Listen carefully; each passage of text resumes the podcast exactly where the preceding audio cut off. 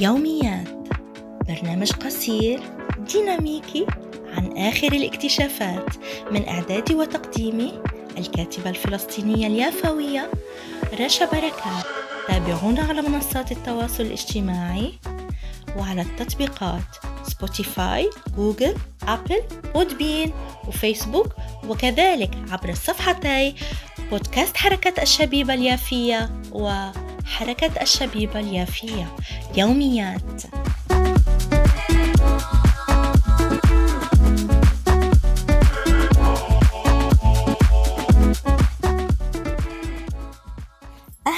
بكم أعزائي متابعي ومحبي. كل برامج بودكاست حركة الشبيبة اليافية.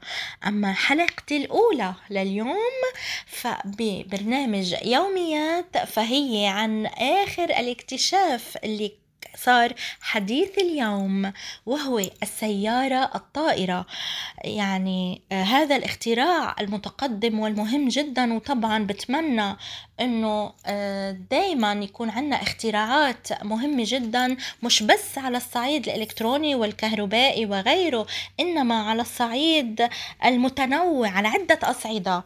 آه يكون عندنا تقدم نوعي مثل هالاكتشاف والاختراع. أما أقلعت سيارة X2 الكهربائية الطائرة بأولى رحلاتها العامة بمدينة دبي. بالإمارات طبعا والهدف سعي الشركة لإطلاق المركبة الجوية بالأسواق العالمية. أما الشركة المصنعة للسيارة الطائرة فهي إكس بانج الصينية للسيارات الكهربائية. X2 وكما تم الكتابة عنها فهي مركبة كهربائية عمودية الإقلاع والهبوط وفيها مقعدين وبتعتمد على 8 مراوح. أما الشركة فقالت بعد التجربة الأولى للسيارة الطائرة بدون سائق أن إنها أساس مهم للجيل المقبل من السيارات الطائرة.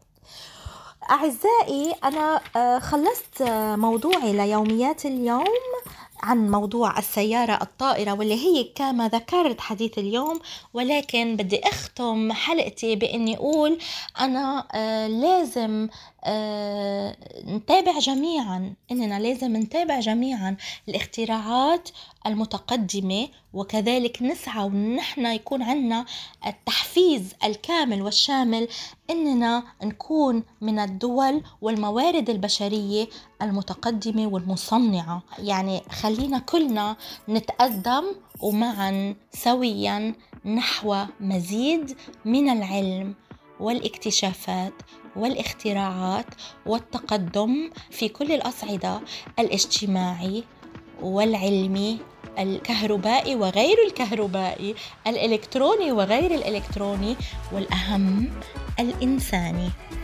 يوميات.